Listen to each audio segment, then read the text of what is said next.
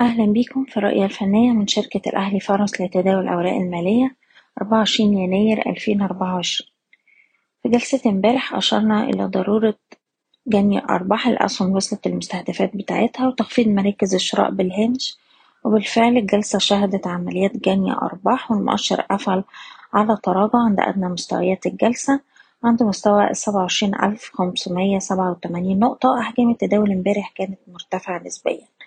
في نفس الوقت معظم الأسهم قفلت على تراجع والأسهم الصغيرة والمتوسطة بتشهد تراجعات وعمليات جني أرباح للجلسة التانية على التوالي. دلوقتي بقى عندنا مستوى مقاومة هام وده أعلى مستوى سجلناه عند التمانية وعشرين ألف مية وعشرين نقطة. وطول ما إحنا بنتداول أسفل المستوى ده هيبقى في احتمالية إن إحنا نتعرض لعمليات جني أرباح. في حالة كسر أقل مستوى اتسجل في جلسة امبارح عند السبعة وعشرين ألف وخمسمية نقطة؟ في الحالة دي مستوى الدعم التالي هيكون عند السبعة وعشرين ألف ومية نقطة. بشكركم بتمنى لكم التوفيق. إيضاح الشركة غير مسؤولة عن أي قرارات استثمارية يتم اتخاذها بناء على هذا التسجيل.